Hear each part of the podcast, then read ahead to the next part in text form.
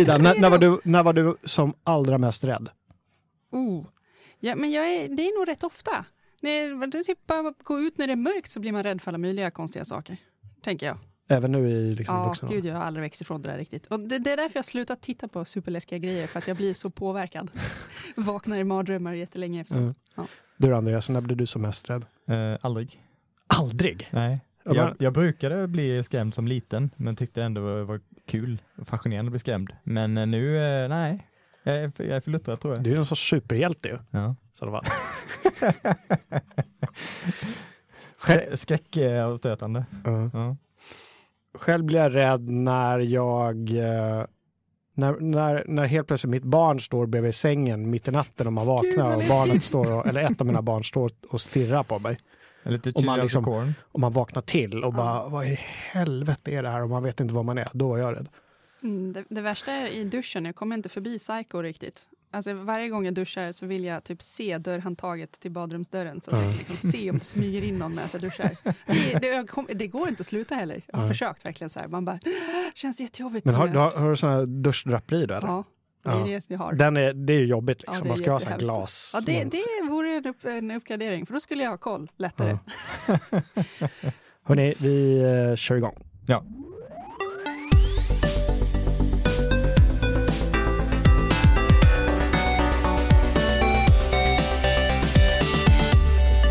Hallå och välkomna till Fulkultur, den folkbildande och sedelärande podden från oss här på Geeks.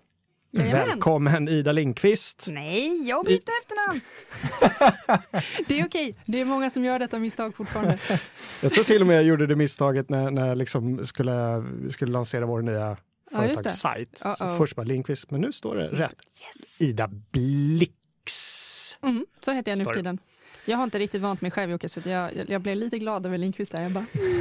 Ja, Nej men absolut, jag är här. Whoop, kul! Ja, det är bra att min, det, det enda jag behövde komma ihåg, liksom, att, att presentera rätt You had one namn. job. Ja, precis. Ja, jag- Mm. Andreas Eklöf Tjena, tjena. är här idag igen. Ja, och inte bytt namn, det är ju fint. Nej, jag Mm. behåller mitt gamla. Ja, mycket bra. Jag heter Joakim Minett och idag ska vi prata om någonting som vi har gått och sugit på länge. Eller vi har Mm. inte gått och sugit på Stephen King, det vore ju hemskt dumt av oss att göra det. Men vi har sugit på ämnet Stephen King väldigt länge. Mm. Och liksom tänkt på när blir, när kommer rätta ögonblicket att Mm. prata om Och det är King? ju högaktuellt på många sätt känns det som nu. Mm. Ja, det känns som eh, Stephen King har fått en liten revival utan att själv ha åstadkommit så supermycket de senaste åren. Mm. Eller? Mm. Nej, visst. Ja. Helt klart. Vad, vad beror det på? Vad tänker ni? Ja, alltså, allting så här går ju i cykler. Eh, men för det och Svarta tornet har ju nyligen blivit eh, eh, filmer. Filmatiseringar. Ja, Mm. filmatiseringar. Eh, och varför just nu ka- kan jag nog inte riktigt svara på. Eh, men eh, tydligen så har, har tiden blivit rätt. Mm. Kanske fick han lite draghjälp av Stranger Things säsong 1, Mm. tänker jag, som Mm. verkar ha varit väldigt mycket av en lite kärleksförklaring till, till bland annat han. Mm. Hans Ja, verk. ja men precis. Och sen har, det, det är mycket King nu. Det är på Netflix bara så är det något som heter 1922 som jag inte hade någon aning om att det var King förrän de smällde dit den texten att det var baserat på tänkte, då ja, bara, oh, Ja, det fanns inte från början. The Mist. Typ det värsta skräp som jag någonsin har sett på Netflix också. Mm. Inte Eh, jättebra. Stephen King-baserat. Mm. Precis som den gamla filmen från 2009 eller vad det var. Mm. Mm. Ja, men precis. Mm. Kan det vara så här att eh, genrer och eh, vad man tittar, sånt går ju i cykler och eftersom Stephen King är i sig liksom en enda stor genre. Mm. Ja, kan man ju Han har säga. influerat så oerhört mycket av den populärkultur som vi lever i idag och har Mm. vuxit upp med. Så att istället för genrecykler så är det Stephen King-cykler. Att med jämna mellanrum så blir han poppis igen. Eller Mm. mer poppis. Han är ju alltid en bästsäljande författare. Mm. Mm, ja, men det är han ju. Men också tänker jag att det ligger lite i tiden att vi liksom tittar tillbaka med lite extra kärlek på typ 80-talet och sånt där. Det är lite, han ligger väl lite extra i, i ropet igen. Och, Mm. och folk i, i min ålder kanske tittar tillbaka lite nostalgiskt på det här och de, här NES-konsolerna som har kommit i miniformat har folk blivit lite galna över. Att man är lite så här, tittar tillbaka lite på just Mm. den tidsperioden nu med lite Mm. så här extra Precis. retrokärlek. Och Och det, så- ja, det, är, det är rätt generation helt enkelt som, eh, som eh, är i den här tidseran nu. Som, som läste Stephen King och tittar på Stephen Kings filmatiseringar och, Mm. när de växte upp. Den här member-eran. South, South Park eh, spoofade ju det här med att det var någonting som hette member berries i några avsnitt i den senaste säsongen. Att folk käkade dem, eller de var Ja, levande och så åt folk dem just då. Så reminissade de om gamla tider och att vi är inne i någon sorts nostalgiskt. Vi som har vuxit upp på 70, 80, Mm. början på 90-talet är väldigt nostalgiska. Ja. Det var bättre förr Mm. och så är vi väldigt också i maktpositioner i samhället. Vi är i den åldern där det är vi som bestämmer vad som ska produceras. Och då Ja. blir det Stranger Things Mm, absolut. av allting. Mycket bra. Dufferbröderna, två 80-talister. Ja, Mm. som såklart har läst allting som han har skrivit, Ja. säkert. Oh ja. Ja. Ja, det verkar ju onekligen så att de har fått med... Jag, jag var lite så här, hmm, hur mycket liksom Stephen King är i Stranger Things egentligen? Och det, det var ganska mycket om man Mm. började gräva i det. Som var så här små hintar hit och dit. Och liksom, ja, det, det är inte skriva folk på näsan alltid, men en, en del grejer är ju uppenbara rip-offs och andra var liksom lite mer subtila. Mm. Stephen King är, för den som mot förmodan inte vet, en amerikansk författare som föddes 1940 någonting, tror jag, i USA. Och eh, tragglade sig fram som eh, bland annat lärare under lång tid. Han träffade sin fru Tabitha, som hänger med fortfarande, i väldigt tidig ålder. Mm. Eh, han började skriva på, han började skriva väldigt tidigt, säkert, säkert när han var barn, men han började försöka ge ut grejer redan på 70-talet. Mm. Och hans stora genombrott eh, måste varit Carrie, Carrie, precis. 77 tror jag det var. Skrevs 77 så kom det en filmatisering av Ja. Brian De Palma. Intressant. Just det. Och jag var, tror var, det, var det att- 80? Nej, Kan ha varit 79 eller 80? 79? Ja, något Ja, sånt. något sånt. Mm, mm. tror att det var liksom den som fick, äh, visst han sålde böcker, men det var den som verkligen fick fart på hans karriär. Mm. eh, och gjorde honom till liksom världens mest sålde författare redan 1980. Så det måste väl varit 79. Mm. Någonting som Just kom. det. Fantastiskt. Ja. ja, men det är, alltså om man börjar gräva i, han har ju hunnit göra väldigt mycket fram till idag eftersom han är en ganska aktiv författare får man ju säga. Så det är en diger lista med liksom spännande saker. Mm. Och sen har han ju varit väldigt så här stämplad skräckmästare, men han gör ju andra, helt andra saker ibland också. Mm. Mm. Så det sticker iväg lite här och där, provar lite nya grejer. Och, Ja, men eller hur? Stephen King har ju haft, eh, och jag försökte researcha det här, man har haft fler än 30 av sina romaner på topplistornas första platser, Mm. åtminstone i USA. Det var Mm. där jag tog de här. Han har säkert legat på första platsen här i Sverige också. Jag hittade ingen bra statistik. Och då tänkte jag så här, men finns det ingen svensk författare? som har så googlade jag så Astrid Lindgren och sådär. Men nej, inte vad jag kunde hitta i alla fall. Typiskt sådana här tillfälle också för lyssnarna att gå in och rätta oss. ja, absolut. Så här, vilka, är det någon svensk författare som har slagit hans 30 böcker på första placering? Kan komma på någon spontant som skulle kunna appliceras på det? Men är det, han är ju, Stephen King är ju eh, fortfarande, trots att han eh, för eh, i slutet på 90-talet på grund av reasons vi kommer komma in på eh, sa att han skulle sluta skriva. Mm. Han är ju fortfarande extremt produktiv. Mm. Jag, jag vet inte om han gör det fortfarande, men då åtminstone så skrev han ju, eh, gav han ju ut en bok om året. Mm. Och han hade någon sorts regel att han skulle antingen läsa eller skriva 67 timmar om dagen. Mm. Just det. Eh, han skulle producera, var det, två, var det 2000 ord? Det, nu kan jag fel på, på siffrorna, men extremt produktiv. Ja. Och kan det vara så att skriver man så himla mycket, då måste man ju få några liksom fullträffar. Ja, Eller? men man måste ju få rätt många dippar också. Ja, jo men Eh, precis. Ja. Och för jag tänkte eh, leda in det lite på så vi nästan kan klara av det, va? för det är lite tråkigt tycker jag. Han har fått extremt mycket kritik ju, Stephen King. Mhm. Och det har gjorts väldigt mycket sunkigt baserat på hans material och allt han skrivit är självklart inte jättebra. Nej. Jag tänkte, kan vi bara liksom behandla det först så har vi det gjort så kan vi gå in på allt bra sen istället. Mm. Ja, visst. Absolut. Precis, han har blivit kallad kungen av skräp. Eh, vi säger ju att han är liksom kungen av fulkultur, Mm. Såklart. Ja. Jag läste en artikel på Vox inför det här programmet eh, och där berättar de hur, hur Stephen King blev intervjuad 97 på 60 minutes av hon Leslie Stahl, du vet hon Mm. järnkvinnan på 60 minutes. Eh, där hon då ifrågasätter hans liksom, eh, litteratursmak och fick honom att erkänna att han aldrig hade läst Jane Austen till exempel och att han bara hade läst en enda Tolstoj-roman. Just Kan du det. tänka dig en författare som säger det? Det måste ju, vilket, vilket ramaskri. Uh, det sköna då att eh, King eh, till svar till det här då så, så flinade han bara och sa att ja, men jag har faktiskt läst varenda Dinar Kunz roman som någonsin har givits ut. Eh, och, och Dinar Kunz måste ju vara eh, jämte King den mest produktiva skräckförfattaren åtminstone. Ja, Ja. det känns det som. Ja. Men jag tyckte, det var ett, jag tyckte det var ett fint svar som eh, på något sätt visade på det här att han alltid har stått upp, trots att han har varit väldigt självkritisk, han har alltid stått upp för sina böcker ändå. Att Mm. det liksom, vad, vad är finkultur och fulkultur och hela den eh, diskussionen som, som vi också har i, ful, i fulkultur väldigt ofta. Men, men vad är det då? Ska vi bara dra dem? Vad är det för bottennapp han har, han har åstadkommit egentligen? Kan vi komma på några på rak arm? Ja, Dreamcatcher är väl kanske inte, jag tycker va- vare sig litterär eller filmform är någonting fantastiskt. Eh, Men å andra sidan så är ju det också en lägsta nivå som är ganska hög om man jämför Mm. med mycket annat. Eh, Filmen är ju katastrof, men, eh, men eh, boken är ju inte Stephen King fantastisk, Mm. men inte urusel heller. Eh, Så Det, det verkar ju vara på filmatiseringsfronten man kan hitta de där riktigt... Eh, hur, va? Nej, Mm. så, så. Jag har inte sett... Eh, jag, har, jag har läst nu inför det här såklart om vad som är så här, vad, vad andra tycker är bra och dåligt. och Sånt. Men eh, jag, har inte, tror inte jag har sett de, de där riktiga fruktansvärt dåliga sakerna själv faktiskt. Så det, det kändes som att jag kan ju bara låta bli att titta på dem framåt. Men eh, han säger ju själv att han har spenderat ganska stor del av sitt liv eh, påverkad av alkohol och droger. Mm. Och att han liksom inte ens kommer ihåg att han har skrivit vissa saker eller gjort vissa grejer. Så, det, Mm. så att mm. man kan tänka att det kanske eh, finns lite verk i den eran så kanske eftersom om man inte ens minns att han har gjort dem kanske Men det är är hans imponerande om han inte kommer ihåg att han gjort det. Många av de sakerna blev ju riktigt bra som Ja. han producerade under de här åren.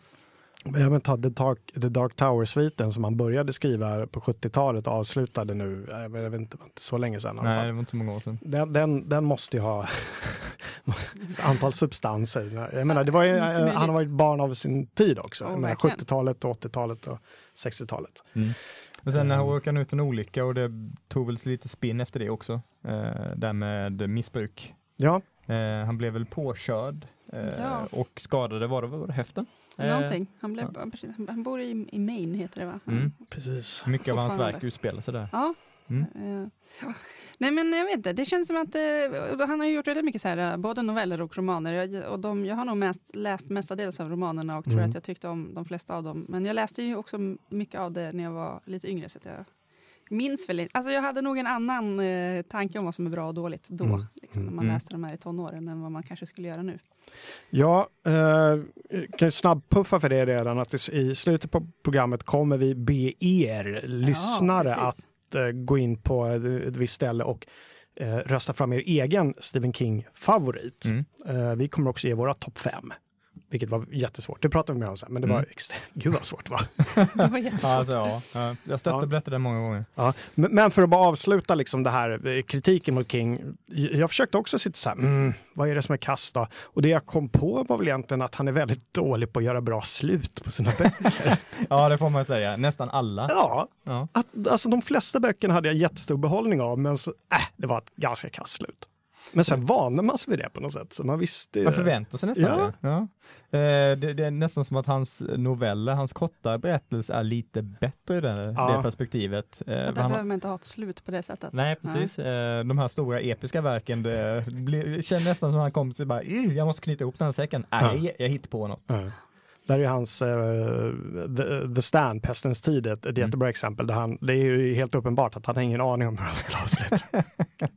Vi ska inte spoila slutet på boken för den som inte har läst den eh, måste göra det, men det är ju, ja, det är ju uppenbart. Ja. Så att säga. Oh, ja. Och, och, likadant med en annan favorit vi kommer prata om, It Det. Där är det ju, slutet i den boken är också väldigt, väldigt, väldigt konstigt. ja, boken och filmen, det är så här, ja, hur tänkte han där? Men han, eh, han får ju kritik rent, eh, alltså för en del som tycker att han är eller rasistisk i, i sina verk och det finns de som tycker att han är, ja, men att det är lite sådana grejer som, som folk brukar dra upp som kritik också. Jag Mhm. vet inte om jag har tänkt på det så mycket själv, men, men det, om man börjar jämföra liksom, så verkar han porträttera mörkhyade sämre än andra. Jag vet inte att det finns någon typ Mm. av så här kritik där. Mm. Ja, det är Ja. ingenting jag har reflekterat över när jag har sett hans eh, Nej. filmer. Jag har nog inte heller gjort det. kan ju vara också en sån här grej eh, så, som man läser in i efterhand. Också liksom, om man är en Ja. produkt av vår tid. Mm. Och så är det, finns det ju faktiskt människor som gärna sitter och, och letar efter Mm. saker att Mm. Så kan över. absolut Så kan det vara. Eh, med det sagt så är jag en vit man så att jag vet inte hur, hur andra människor. Men Eh, det kan vi väl sluta oss till att men han har oftast eh, porträtterat vita människor Ja. och vita män. Ja. Kanske för att han är en vit man själv och att det är lättare att Mm. sådär. Men jag som tjej till exempel, Mm. jag, jag tycker han är inte jätte... Alltså det finns kanske bra och dåliga exempel här också, men jag, han är ju väldigt bra på karaktärer överlag. Det är Mm. inte sådär att, att de kvinnliga karaktärerna är ju liksom helt platta och tråkiga och, Nej. de manliga är jättebra. Så han, han, är, han är bra på, på, på personer överlag tycker jag. Ja, och, och framförallt på senare år så har jag läst mig till, för jag, jag har inte läst jättemycket av hans absolut senaste grejer, men där har han fått mycket kudos för att han just har, har försökt porträttera helt andra individer än vad han Mm. själv är. Mm. Kvinnor exempelvis, vilket kanske kan vara klurigt. Mm, Mm. säkert. Nej, Dr. Sleep är ju en flicka, huvudkaraktär. Och, eh, eh, och i, i det så är ju eh, en, eh, är det Beverly som eh, är den som faktiskt klarar biffen i Mm. eh, slutändan. Ju. Eh, så Ja, att, just eh, Beverly, ja. Beverly. Men du, Mm. när vi ändå är inne på det, Det och Beverly och eh, Beverly, vad är de heter? Nördgänget? Nej, The Losers, The eh, Losers Club. Ja, något där. Ja, mm. Ja. Stephen King är ju lite av, pratade vi innan det här programmet, lite av någon ungdomarnas författare, eller hur? Mm. Mm. Först var jag inne på spåret att han gjorde väldigt många bra ungdomsskildringar. Sen satt jag och funderade på, men okej, så många är inte det. Det är ofta vuxna män Mm. som är huvudrollen. Sen finns det ju självklart barn och ungdomar runt omkring. Det är ju några böcker de är i fokus. Det och eh, kortberättelsen The Body som sen blev Stand By Me. Man märker i hans berättare, berättande att han på något sätt, inte glorifierar, men det finns ändå ett, ett mörker samtidigt ett stort ljus över de här ungdomsskildringarna. Mm. Lite som man själv tänker tillbaka på sin, eller många i alla fall tänker tillbaka på sin ungdom. Man har glömt det dåliga, man minns de här liksom eskapaderna, äventyren Mm. som han gjorde med, sin, med sina kompisgäng.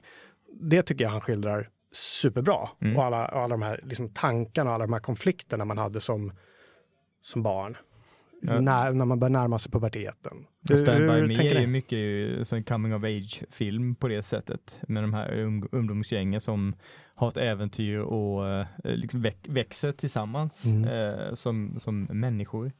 Eh, och i det är det också, det, det finns ett mörker och en, en skräck och fara.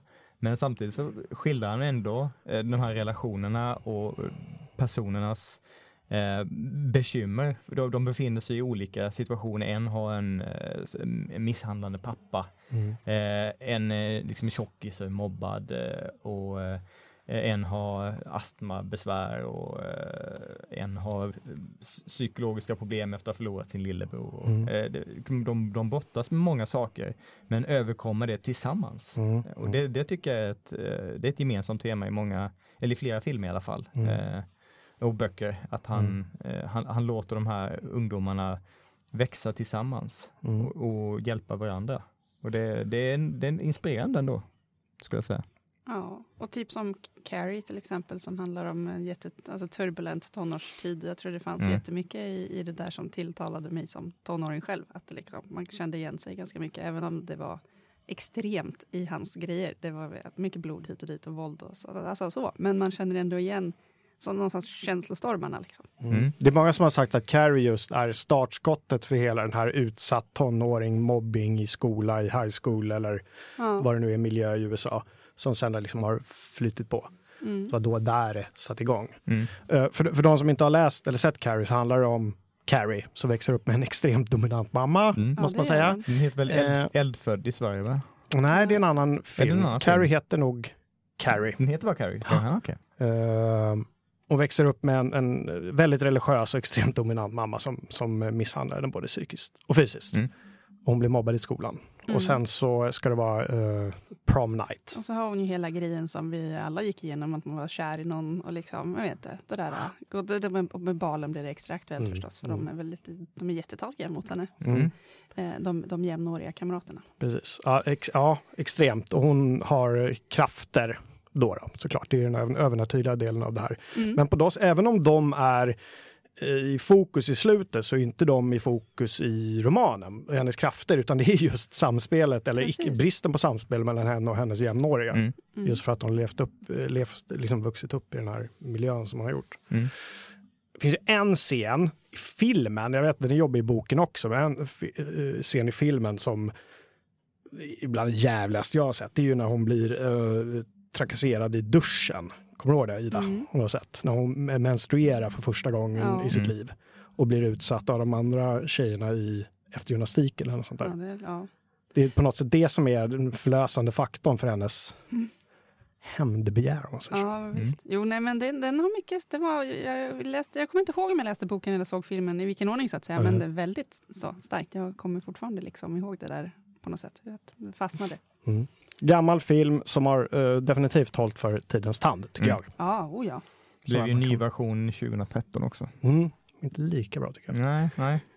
Fast Men- det, det, där, där, där typ funderar jag generellt sett om, om vi hade sett de, de nya versionerna Först liksom. eh, i, i den åldern vi var då, hade vi, hade vi tyckt likadant? Eh, hade du tyckt att den nya versionen av eh, Carrie var lika bra eller läskig eller jobbig? Eh, nostalgin tror jag ändå, s- det påverkar det mer man, Mm. mer Mm. man tror. Mm. Ja, man ser ju. Mm. Men, men vad, vad tror ni beror på att han är så attraktiv för ungdomar? Vi har ju berört en del, men vad är det? det språket är ju ganska lättillgängligt. Mm. Oh ja. Han, han krånglar inte till det direkt. Nej, nej, det är väldigt lättillgängligt och, och man, man lär känna de här personerna på något sätt genom verken. Alltså det är så här, på riktigt känns det som att det blir Mm. karaktärer man kan... Det finns alltid någon man kan säga, åh, identifiera sig med. Mm. Känna igen sig i. Och det är ju de här ungdomsrelationerna han, eh, han illustrerar med ett inte alltför komplicerat språk. Ja. Och alla kan ju identifiera sig i det.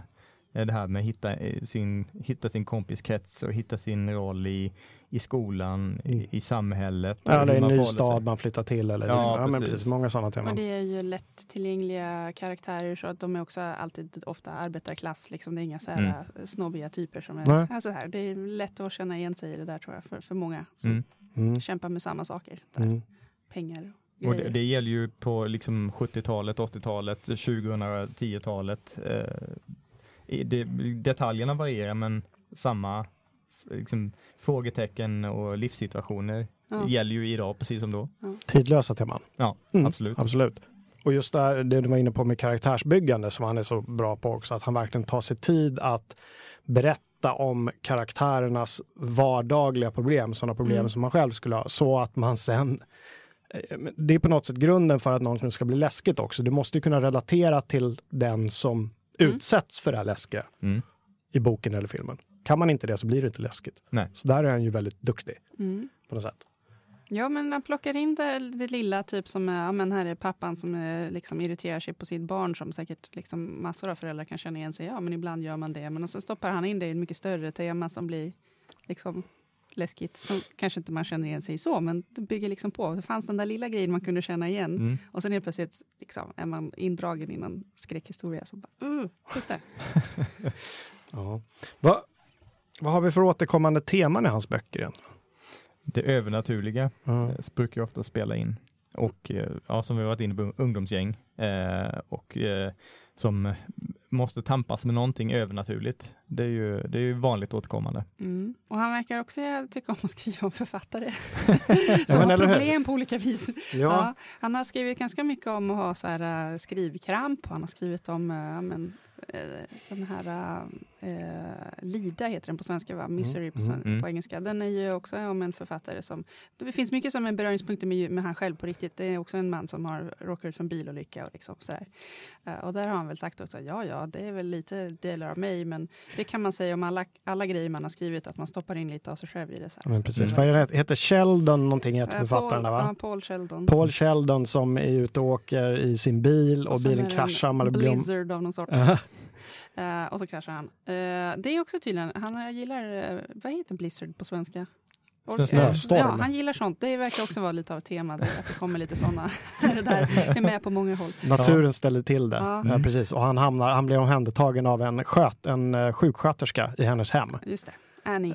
Och sen så, Men hon typ kidnappar ju honom Ja. rakt upp och ner för att eh, han, det kommer ju folk och letar efter honom Mm. och hittar bara hans bil. Typ, fattar inte Mm. vart han har tagit vägen. Och men han märker ju inte först att han inte får gå därifrån, för han ligger ju med brutna precis. ben eller vad det Någonting är. Han är trasig i alla fall, ligger i hennes säng och tror att hon tar hand om honom. Sen Ja. börjar hon märka, eller han märka att hon kanske har lite väl eh, stark besatthet av, av karaktärerna i hans böcker, den författarens hon, böcker. är, hon är tydligen hans största fan. Största och så är det en karaktär i hans eh, verk som han...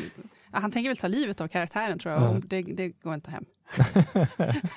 Men vi ska inte... Ja, eh, den är ju jättegammal den här så jag hoppas att de flesta har sett och läst eh, Ja, vid det här och, alltså, boken går ju inte att tänka, efter man har sett, där har vi eh, en filmatisering som har lyckats. Oh ja, med, med hon Kathy verkligen. Bates i huvudrollen. Som är.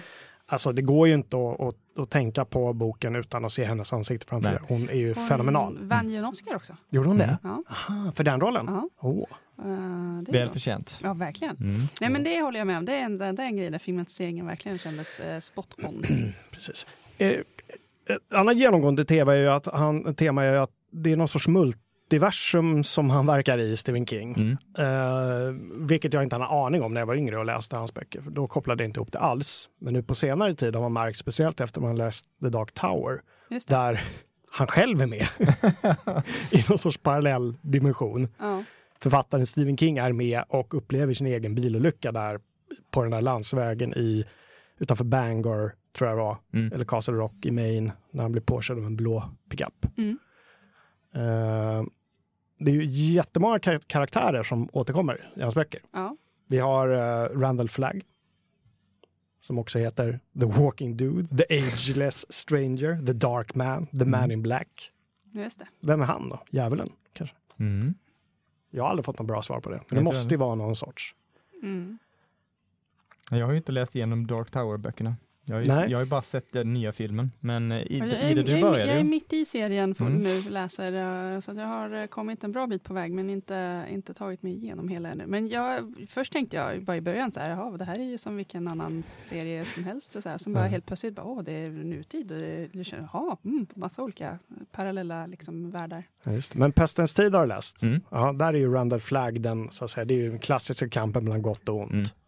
Mm. Randall Flagg är den där onda eh, som, Mm. som härskar i Las Vegas antagligen. Efter att vi- något virus har Just börjat fyra med. Medan hans motpart är någon gammal gumma som sitter på något fält i någonstans. Just det. Och de lockar till sig följare inför den sista striden. Mm. Randall Flagg. The Walking Dude, The Dark Man. Eh, platserna återkommer ju väldigt mycket, Ja. eller hur? Mm. Det verkar vara mycket kring i Maine där han bor. Eh, såklart, verkar återkomma. Man Mycket. skriver det man kan. Ja, men exakt. Mm. Eh, Så det har han väl plockat med mycket. Sådär. Och sen, vad är det mer det han har återkommit till? Ja, men det är många städer också upp, just uppe i Maine. Mm. Maine ligger ju i regionen New England, uppe Mm. i, det blir väl nordöstra USA. Va? Mm. Ja. Undrar om det är därför vi eh, kopplar an. Det är ganska likt det svenska klimatet också i New England. Ja, det är det är väldigt det. sådär, Ja. liksom, Ja, de här skogar, barrskogar och Mm. lite så här, lite kyligt. Mm. Det, är, det är inte liksom California-solen direkt. Alltså Mm. Colorado och Denver, det är också lite den typen av klimat. Lite åt det hållet i alla fall. Ja, just det, det ligger lite högre upp. Ja. Mm. Boulder, där han bodde ett tag, Stephen Mm. King, återkommer ju i flera böcker tror jag. Mm. Åtminstone i är med. Ja, The Colorado Kid. Ja, Och ehm, The Shining är väl också uppe i bergstrakterna någonstans. Kommer inte ihåg Ja, vilka ja. områden, områden, men jag har för mig det. Mm. Sen nämnde ju du Ida också att det är ju, han skriver väldigt mycket om författare, eller hur? Just det. Mm. Det är ju Eh, inga superhjältar direkt. Nej, det verkar vara en eh, kamp på många sätt. jo, nej, men jag har inte, det var, det, de här eh, skrivkrampsnovellerna tror inte jag att jag har läst själv, men, men, men Lida är ju definitivt en väldigt så här, författare. Det, det är inte så fint på som man kan tro alltid tydligen. Och, han, eh, där är det ju liksom kraven från läsarna Mm. och liksom vad man måste ge tillbaka. Det kan man väl tänka sig att han säkert har känt mycket själv. Att oj, oj, oj, nu förväntar sig folk att jag ska bara skriva massa skräck. Eller, Mm. sådär. De har sådana krav att jag ska få göra slut på den här äh, Svarta tornet-serien. Jag vet inte, det finns ju mycket krav på en, antar jag, som kan vara sätta eh, stopp för fantasin. Men han verkar ju ha kommit runt det här på, eftersom han är väldigt produktiv och har en bevisligen fantastisk fantasi. Eh, så, eh, men han måste ju uppenbarligen känna till det extra bra som författare. Mm. att han använder sig av det i mycket. Mm. Och så blir det ju också någon sorts förlösning. Det är, jag menar, det är ganska nördiga karaktärer, både från barnen och ungdomarna som man skriver om. Det är ju utmobbade karaktärer, det är det här The Loser Gang eller vad de nu hette i, i det. Mm. Mm. Det är alla de här författarna som ju då är, ja men det är ju bokmalare Ja, men absolut. början. Som ändå, ofta i alla fall, lyckas övervinna det här. Allting slutar ju inte väl i Stephen Kings böcker Nej. såklart. Men, men det är ju någon sorts liksom, Mm. Undrar om, han, om det är mycket av Stephen King själv i det där som kommer fram. Mm, Jag vet inte hur han har varit som, som ungdom. Nej, men det är väl inte helt otänkbart att han var en av de som var lite eh, av de utstötta, kanske inte bland de coola kidsen. Eh, det är ju ofta de är där Mm. bokklubben och eh, i arkadhallar och läser serietidningar och annat. Mm. Eh, och det är kanske därför många av oss också identifierar sig och gillar att läsa de böckerna Mm. i, i den, när man är i den åldern själv eh, som ungdom. Mm. Jag, försökte, jag satt och försökte eh, räkna. Jag satt på Wikipedia och kollade hur många böcker han hade skrivit. Romaner, då kommer jag fram till att det är någon sorts me- mellan 50 och 60 om man inkluderar, inkluderar dem han skrev under pseudonym, vilket man såklart gör. Mm. Richard. Backman, Just eller? Mm, mm. Ja, han har haft fler pse- pseudonymer också. Jag kommer inte på vilka de var. Jag minns inte varför han skrev under pseudonym. Men jag tror det hade någonting att göra med att han ville se om hans framgång var en, eh, en eh, fluk. Just det. om det var kopplat till namnet. Ja, eller Ja. precis. Mm. Eller om han kunde återupprepa om det var faktiskt var det han skrev som var det viktiga. Mm. Mm. Eller om han red på en våg. Det visade sig att det sålde ganska bra, som Richard Backman också. Bra hörni, i Fullkultur så tipsar vi ju alltid hej vilt, ska jag säga. Mm. Och eh, om någon mot förmodan har missat det så eh, åtföljs ju varje avsnitt av en ganska gedigen länklista. Mm. Ja, det gör det. Så och denna gång. Mhm. Eh, jag tänkte att vi skulle dra våra, eh, lite i, i tipsandets anda, dra våra personliga topp fem. Mm.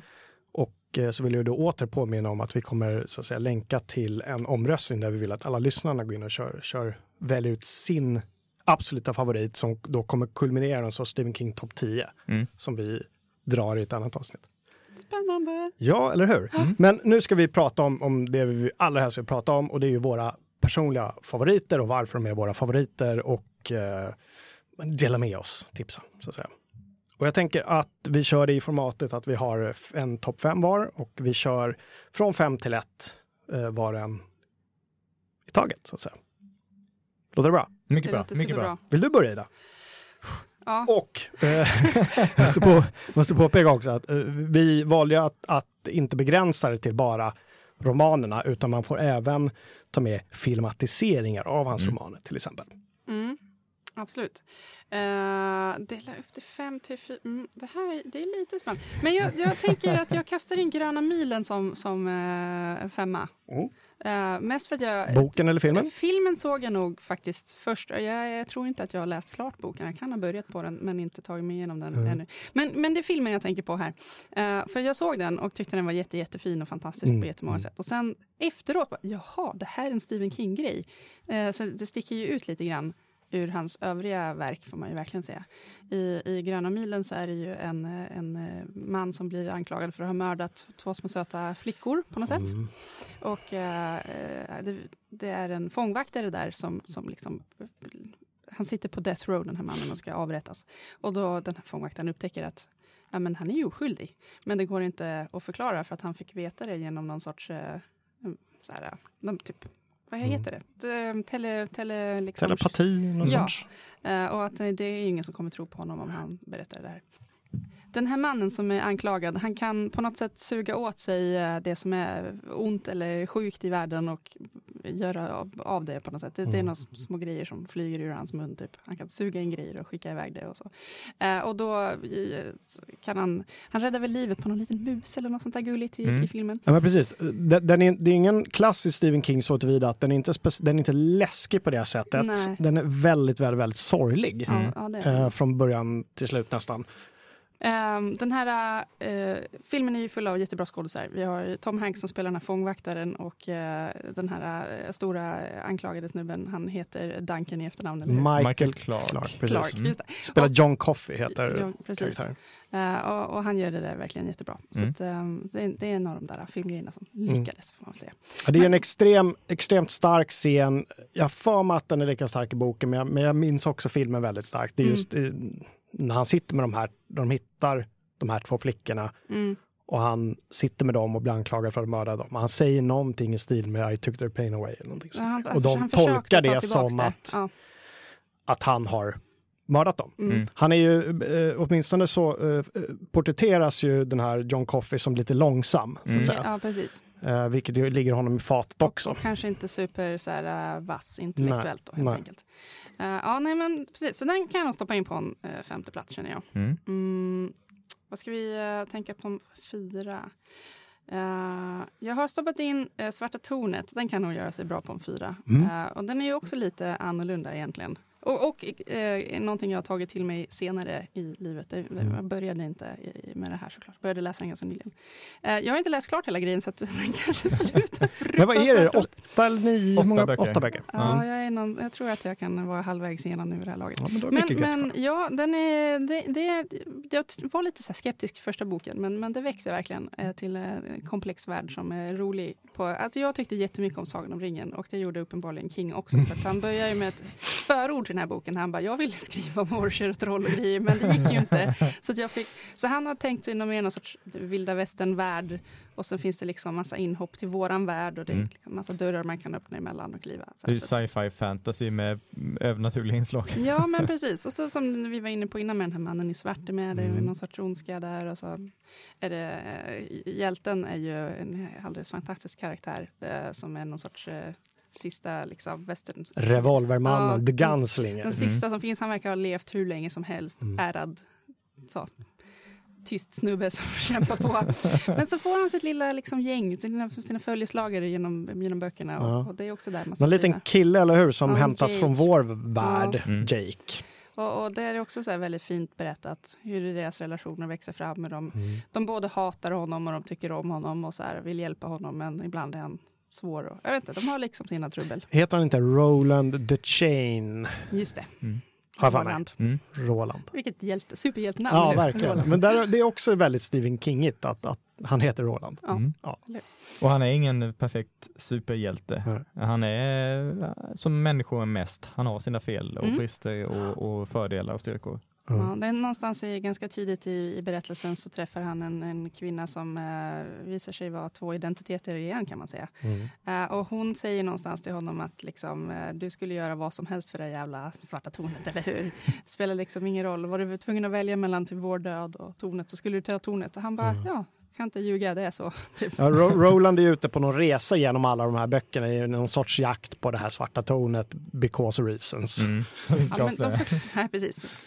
De förklarar det som att det svarta tornet står i mitten av liksom, universum på något Mm. sätt och kopplar ihop eh, i något stort hjul alla olika parallella världar och st- styr liksom, håller ordning. Men det, håller, det är något som är fel. Så att man, han måste ta sig dit för att, för att ställa allting till rätta annars kommer typ världen gå under. Ja. Någonting sånt där, Mm. klassiskt. Jag älskar i, i Mörka tornet hur, hur man verkligen får anstränga sig för att, att visualisera hur den här världen faktiskt ser ut som de färdas i. För det är väldigt flummigt allting. Mm. Alla djur eller varelser är ju jättemärkliga. Ja, det är precis, det är något annat än, än Och de är här. har namn, alltså han på något sätt berättar som om att de är självklarheter i Mm. den här världen. Så det är helt upp till dig att på något sätt försöka lirka, ja men okej, men det är lite västerntema, hmm, okej Mm. då kanske det är en farm det där, hmm, hur ser det där ut? Man får verkligen bygga sin egen, det gillar jag. Mm. Jag har inte sett eh, filmatiseringen heller och det är väl lika bra kanske. Eh, ja. Andreas, det har vi pratat om tidigare. Ja, den, den är inte jättebra. Jag har, inte- jag har inte läst böckerna men eh, den, den var ju väldigt oengagerande. Mm. Jag hade Eh, nog bara läst första eller andra boken. eh, Jag var med och såg den med Andreas Mm. eh, och tänkte, suck vad har de gjort för något? Det här har Mm. ingenting med böckerna att göra. Men nu när jag har läst vidare så ser jag ändå kopplingen till böckerna. Så det kanske blir bättre om man har koll på bokserien och sen tittar på den. Mm. Men eh, den är ju, jag vet, ja det, det är lite mer av en Ja, men den, är- actionrulle den, är ju, den är ju kort och den ska ju gestalta åtta böcker. Det är ett beslut jag inte alls begriper mig på. Men det ska ju komma en serie också. Som Ja, kanske förhoppningsvis blir någonting av. Men ska det det nu? För Ja, det här är ju en följetong i Fulkultur att vi har pratat om den här Mm. Dark? Tower-serien. Okej. Jag, jag tycker mig ha läst något om Ja. att den är mer på gång nu än innan, men jag kan ha fel. Mm. Eh, Ja. Bara innan du fortsätter, jag köpte The Dark, The Dark Tower seriealbumen, Åh! två Jaha. stycken, Ja. och blev väldigt besviken för just värld, hur, hur de målar världen stämmer inte alls. Det är väldigt, alltså väldigt flummigt Okej. i serietidningarna. Det är som någon sorts eh, hallucinogen som knarkdröm lite grann. Mm. Så jag slutade läsa. Tyvärr. Det stämde inte överens med min, med min bild. Som redan var flummig i sig. Ja, ja, precis. Men som jag ändå försökte reda ut. Mm, mm. Det gick inte. Mm. Men Lisa, äh, Lisa, nu kallar jag för Lisa. Vem är det? Lisa Lindqvist. Ja. Lisa Lindqvist är jag. Vad- då är vi uppe på tre. Och det här Mm. är svårt, det här är svårt. Eh, jag tror att jag eh, ändå får sätta... eh, ja, det, det, här, det här är jämnt. Men jag, jag tror jag får sätta Shining här. Alltså, och då tänker jag igen på filmen. För Mm. Boken har jag läst, men jag kan inte minnas att... Alltså det finns skillnader mellan filmen och boken, så mycket vet jag. Men jag, kan, jag minns liksom inte skillnaderna, för, för filmupplevelsen är så stark. Mm. Så att jag tänker att boken handlar om samma sak. Men så är det ju inte. Och Stephen King själv har jättemycket att säga om, om Shining-filmen. Mm. Eh, det är en Stanley Kubrick-variant som liksom eh, de, de, de, är väl ganska olika helt enkelt. De är väldigt olika. Och eh, filmen. Men filmen är jättebra Den är jättebra, absolut. eh, på många sätt. Eh, det handlar ju om en eh, familj som åker iväg till ett eh, hotell eller vad det är som stänger ner över vintern. Va? Så ska han Mm. bara, pappan i familjen ska bara ta hand om hotellet så att det liksom står kvar till våren när folk kommer igen och vill bo där. The Overlook. Ja, Mm. Så blir de återigen isolerade av en snöstorm. Ja men exakt, snöstormen är där. och sen, sen så är han författare, trot eller ej. och han, han tänker att han ska spendera vintern där med att skriva på, på sitt mästerverk och liksom familjen, de ska väl typ kasta snöboll och ha roligt under tiden. Typ. Mm. Ja, sådär. Det ska vara trevligt och mysigt på något vis. Mm. Men det blir det inte alls. eh, Uppenbarligen. Och, och Stanley Kubrick är ju en eh, väldigt speciell person tydligen. De har ju, han har tvingat de här stackars skådisarna att göra 300 retakes av Mm. scener innan han är nöjd. Och, så det låter som att det var en... Och så just det, filminspelningen skulle ta bara några veckor men den tog typ ett helt år för att han, han var aldrig nöjd. Så här, gör om, gör om, gör om. Så här. Ikoniska scener Mm. Ja men från det den finns filmen. det ju. Det finns det ju. Och, Here's Johnny. och Mm. återkommande på alla halloweenfester är de här tvillingarna som är med Ja, i sina blå klänningar. Och, eh, så att ja, den, den har väl verkligen satt sitt, eh, sina spår. Eh, så, och den här, ja, det är en stor eh, labyrint man springer runt i som man som jag tyckte var superläskig när jag var yngre. Man bara, "Åh, nej, vad skulle man göra? Springa hit då? Och all work and no play makes Jack a dull boy. Ja, alltså här är superspännande. Någonstans i filmen så har de en massa, massa papper. Eh, Han, hans fru kommer väl på honom men bara har suttit och skrivit den meningen om och om, om igen på sin skrivmaskin Mm. istället för att jobba på en bok. och det är så många, många riktiga, det riktiga papper man ser att den där faktiskt är skriven. Det visar sig att det är ju Kubricks typ sekreterare som har suttit i flera månader och skriva det där på riktigt och sen ha med det i filmen. Det är sådana attention to detail verkligen. Oh, På ja. skrivande, en väldigt obehaglig scen från boken och filmen för den delen, det är ju den- när sonen, eh, skriver, han skriver Red Rum Mm. där. Just det. Och i, och i filmen är Red Rum. Ram, ram, ram, ram. Men det jag minns från, jag läste boken först, den absolut vidrigaste scenen i, i den, det är, och utan att spoila, har du inte läst The Shining än så, ja, då får det vara så.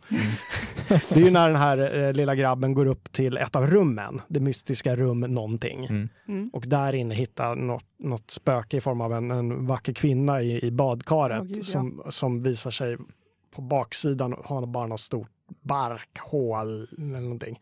Och alltså, den scenen. Den, den beskrivningen i boken är Ja. Eh, mycket bättre än i eh, filmen. Ja. Eh, det, det, det är så målande hur han beskriver hur den här uppsvällda Ja. Kroppen som ligger där, ja, Ja. precis. Och sen så reser hon på sig. och skräcken Men på... är, ja, är det så? Är det bara i filmen som det är en snygg tjej eller? Som visar sig ja. vara läskig? Eller är, och i boken så är det faktiskt ett, ett liksom uppsvällt lik som ligger Ja, som... i, I boken har jag för mig att det bara är ett uppsvällt Så är lik, det att nog, just hon är aldrig vacker Nej. där. Nej.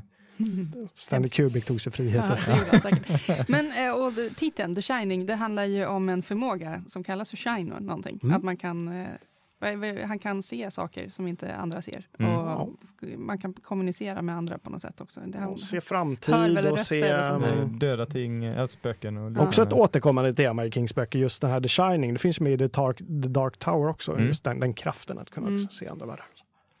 Och det, Eh. och det är ju den största skillnaden mellan boken och filmen, just att det är mycket mer fokus på The Shining i eh, boken. ja, det kan jag än tänka i filmen. Det kan jag tänka mig. Mm.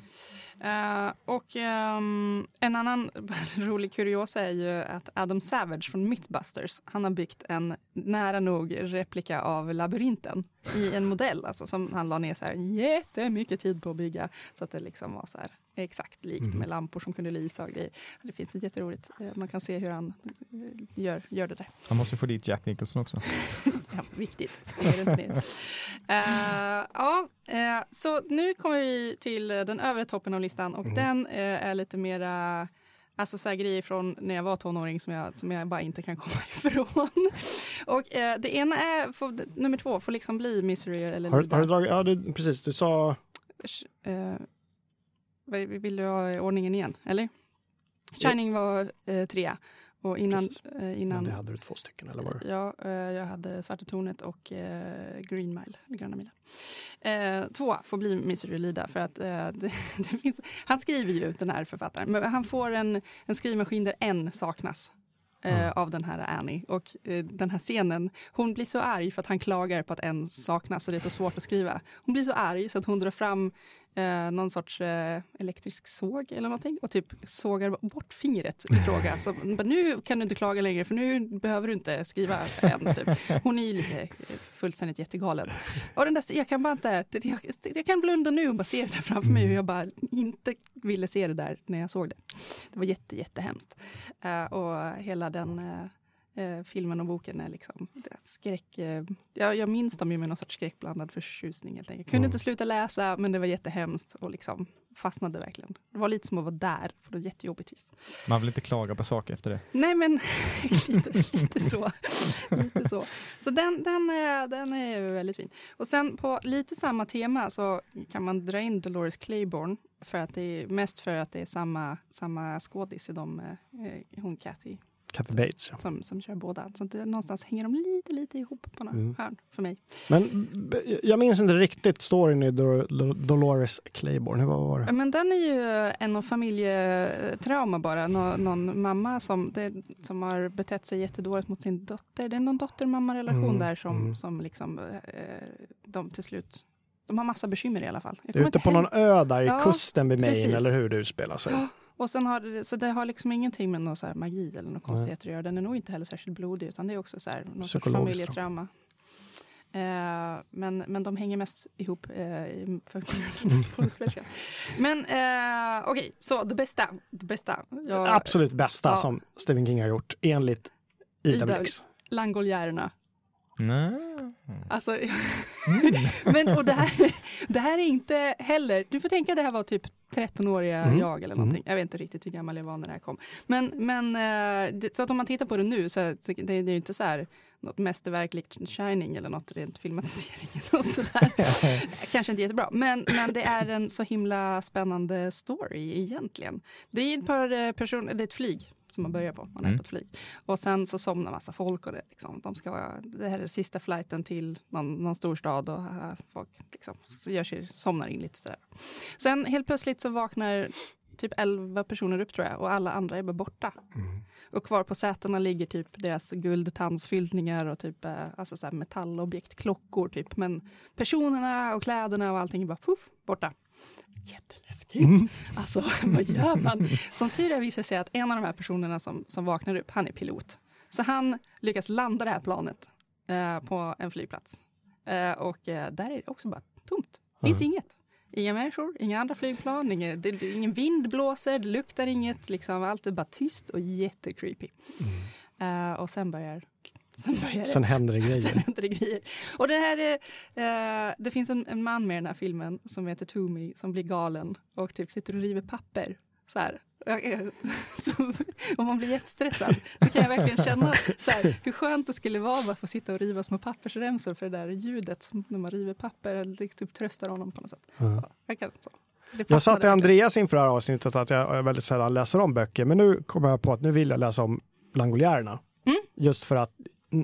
det kommer tillbaka minnen av att jag också tyckte den var creepy. Ja. men att jag ändå inte kommer ihåg storyn alls. Men Så jag, därför. Ja, men jag, jag ska gärna läsa, läsa den också för att filmen kommer jag ihåg något sånär. Men jag kan liksom, om jag råkar glida in på någon sorts flygplats idag och det liksom är, man kommer in i vet jag, en terminal som är nästan öde eller någonting. Det, är- det är jobbigt alltså. Mm. Jag tänker direkt på den här grejen, filmen och bara, åh nej, tänk om alla är borta, tänk om jag är själv här. Och typ, ah, liksom. Kan ni svara på, för Langoljärerna tv-serien, den här miniserien, Mm. eh, baserades väl på, var det den första av de här fyra böckerna eller var det alla fyra böckerna? Eh, jag undrar om inte det var den delade från, eh, från fyra olika böcker, Mhm. själva Det, det skulle det filmatiseringen. nog kunna vara. Ja, jag nästan för mig det, men jag, jag har inte läst dem tyvärr. Eh, Jag har Nej. bara sett eh, miniserien. Låt oss säga att, att researchen till det här avsnittet fick mig att göra en ny lista med grejer av King. Jag måste antingen läsa igen eller läsa för första här, gången. samma här. Men ja, Langoliärerna, eh, jag vet inte. Det är lite, litet otippat förstahandsval kanske, men jag, jag minns det här med, med någon sorts, det är så levande för Men mig. jätteroligt förstahandsval tycker jag. Mm. Just för att det var lite otippat. Mm. Gud vad bra. Langoliärerna. Och Langoliärerna kanske man, eh, det är eh, alltså eh, någon, filmens, liksom, eller serie, det är en miniserie. Mm. Det är inte en film. Men eh, det är monstren helt enkelt, eller liksom Liksom, det, grejen kallas för Men Langoliärerna. eh, rekommenderar du eh, miniserien, filmen eller eh, boken, Alltså, böckerna? tittar man på miniserien så, så syns det ju att det här är gammalt och inte jättebra. Men eh, jag, jag måste nog ändå säga att skådespelaren, jag vet inte, den är nog sevärd på sitt sätt. Lite Mm. som jag tycker om att titta på gamla 60-tals Star Trek, fastän det liksom ser lite förjävligt ut. Så det, det kan man nog kanske ta sig förbi. Mm. Eh, och eh, jag ska läsa igen också för att jag inte minns det lika bra som filmen. Mm. Jag snabbgooglar bara så att vi säger rätt. För det var någonting som gnager. Langoliärerna är ju inte en, det är inte en hel roman. Jag vet inte, du sa du det? Du kanske sa det? Det är ju en, en liten short story, en novell, Mm. Mm. precis, som ingår i novellsamlingen Mardrömmar. Oui. Jag, eh, jag vet inte om den har någon fortsättning i flera delar eller om det är den- där som är liksom fristående. Nej, för det, det, den är kopplad till fyra böcker, men jag vet inte om den är baserad på bara första boken eller om den eh, innehåller från alla fyra. Eh, Jag är lite osäker på det faktiskt. Men det, så. Ja, Mm, alltså det är, mm. det är flera, berätt, flera berättelser i den här Ja. Mardrömmar. Mm. Och en av dem är Langoliärerna. Ja. Mm. Eh, och, och så är, blir det som sagt en, en miniserie i, i två delar tror jag det var. Mm, som man kan titta på. Grymt! Bra, Tack Ida! Åh, vad bra. jag klarade det. Vilken bra bunch. Ja. Andreas, ska du köra? Ja, det kan jag göra. Nummer, Eh, nummer fem. Egentligen, man, vi får tänka oss att, att det kommer in någon röst som säger så här, number five. five. Ja, det. Ja, den var, den var väldigt, väldigt svår. Eh, jag stod och vägde mellan två stycken på nummer fem. Eh, Pestens tid och eh, Children of the Corn. Men i slutändan så blev det Children of the Corn, eh, för jag har starkast minnen från den. Eh, Novellen eller eh, filmen? eh, jag såg filmen först Mm. och läste novellen sen. Mm. Eh, Jag tycker båda är jättebra, men eh, jag har starkast minnen från filmen för att jag såg den först helt Jag enkelt. har för mig att det var en novell i alla fall och inte en roman. Jag har också för mig det. Mm. Ja. Eh, och eh, barn är ju läskiga. Jätteläskiga. så är det bara. Barn i fackelsken på majsfält som vill mörda dig. Som vill tillbe en, en majsgud och ska offra. Och sen offrar de varandra och sen så Mm. återuppstår de och det är jätte, jätte, jättejobbigt. Och de, de är läskiga. Alltså Mm. de, de här barnen, eh, barnskådespelarna gör ett ganska bra jobb ändå, får jag säga. Ja, ja. Om jag, nu kanske jag minns det i ett rosenskimrande Ja, nostalgi. jag tyckte den var obehaglig. ja, jag tyckte också det. Det var någon period där det var bara mördarbarn. Det var så Ja. Omen och Children of the Corn. Mm. Och, Eh, den här, eh, vad heter de med de vithåriga barnen som eh, tvingar en förälder att stoppa ner handen i kokande kittel. Eh, jag glömde bort- jag har glömt bort vad den heter. Den är också jätte, jätteobehaglig. okay. De, de står där och tittar på sina föräldrar. Lyssnarna får googla vithåriga barn som stoppar föräldrars händer i läskigt. kittel. Nu Mm. känner jag att jag behöver gå hem och vara snäll mot mitt barn. Jättesnäll. Ja, men bra. Majsfält återkommer också i hans böcker. har Mm. mig. Ja, Mm. Han har många Mm. mm. så här, eh, specialskills som han Mm. gärna tar till, ver- verkar det som. Eh, men och den, eh, jag vet inte om den finns på de här streamingtjänsterna, men eh, den tycker jag fortfarande är värd att titta på om man gillar obehagliga, obehagliga skräck, eh, Mm. skräck eh, Mm. thrillerfilmer. Mm, mm. Bra filmatisering. Mm, faktiskt. Eh, sen eh, på nummer fyra eh, kan, kan nog vara en bok som inte allt för, en roman som inte allt för många känner till. Och det är något så ovanligt som hans typiska, eh, liksom ett riktigt fantasyverk. Eyes of the Dragon. Eh, ett stort epos, alltså en jätt, jättetjock bok eh, som berättar en, en, klassisk fantasyhandling utan Ja, det är ju fantasy så det finns ju eh, inslag av eh, magi och någonting man skulle kunna kalla något övernaturligt, men det är ju inte det här Stephen Kingiga övernaturliga och det är ju inte liksom, någon, någon skräck inblandad alls. Eh, väldigt välskriven, eh, lättläst, välskriven och engagerande och, och intressanta eh, personlighetsrelationer. Eh, och jag hittade den här boken eh, ho- hos min syster när hon bodde inne i, i stan när jag var liten. Jag såg någon stor, stor grön lunta. Tänkte, ja, fant- jag gillade fantasy. Mm. Tänkte, ja, det här, mm, Stephen King? Nej, det här, det här det kan inte vara fantasy. Bara, jo, det verkar vara fantasy. Och satt och lä- läste den där och från första bladet så var jag helt, helt sluk, uppslukad i den här. Jag kunde inte sluta läsa. Satt Fantastiskt. många, många, många timmar i sträck och bara läste, läste, läste, Ja. läste. Eh, och den, den fick ju bra recensioner och blev väl mottagen så, men jag tror inte det är sådär många som känner till Det- den boken. Den hör till de där grejerna jag har skrivit upp nu att jag måste ta tag i. För att Mm. jag har helt missat. Helt missat. Ja, Hemskt. det, Måste ta tag i. ja. Mm. Tror den heter I drakens öga i Sverige. Eh, Drakens ögon heter den. Drakens ögon Mm. till och med. Mm, Mm. mm, mm. Det är också en sån där som jag hade glömt bort att han har skrivit. Men där har vi också, där har vi en trollkarl. Kommer du ihåg vad han heter? Nej. Gissa vad han heter? Eh, Roland. Nej, han heter Flag. Flag, just där, det. Just det, så var det ja. Samma. Mm. samma. Mm. Kommer han tillbaka. Ja. Randall Flagg, the dark one. Mm. Mm. Jag har inte läst den på 20 år så jag borde nog läsa den igen. Nej, den är bra. Ja, den kan jag varmt rekommendera om man eh, vill läsa fantasy och inte någonting som är kanske det, det är otypiskt för eh, King, Mm. men det är ju inte som vilken annan fantasyberättelse som helst. Jag tycker den är definitivt väl eh, värd en läsning för alla fantasyfantaster. Finns ingen filmatisering på den vad jag vet. Nej, tror Kanske alls. kommer. Kanske. Ja, det kan ju önska oss. Om inte Men, annat är det eh, alltid trevligt med jättetjocka böcker. De håller en stund. Ja, den, men den är verkligen superfet. Ja. Den är så här Bibeln tjock.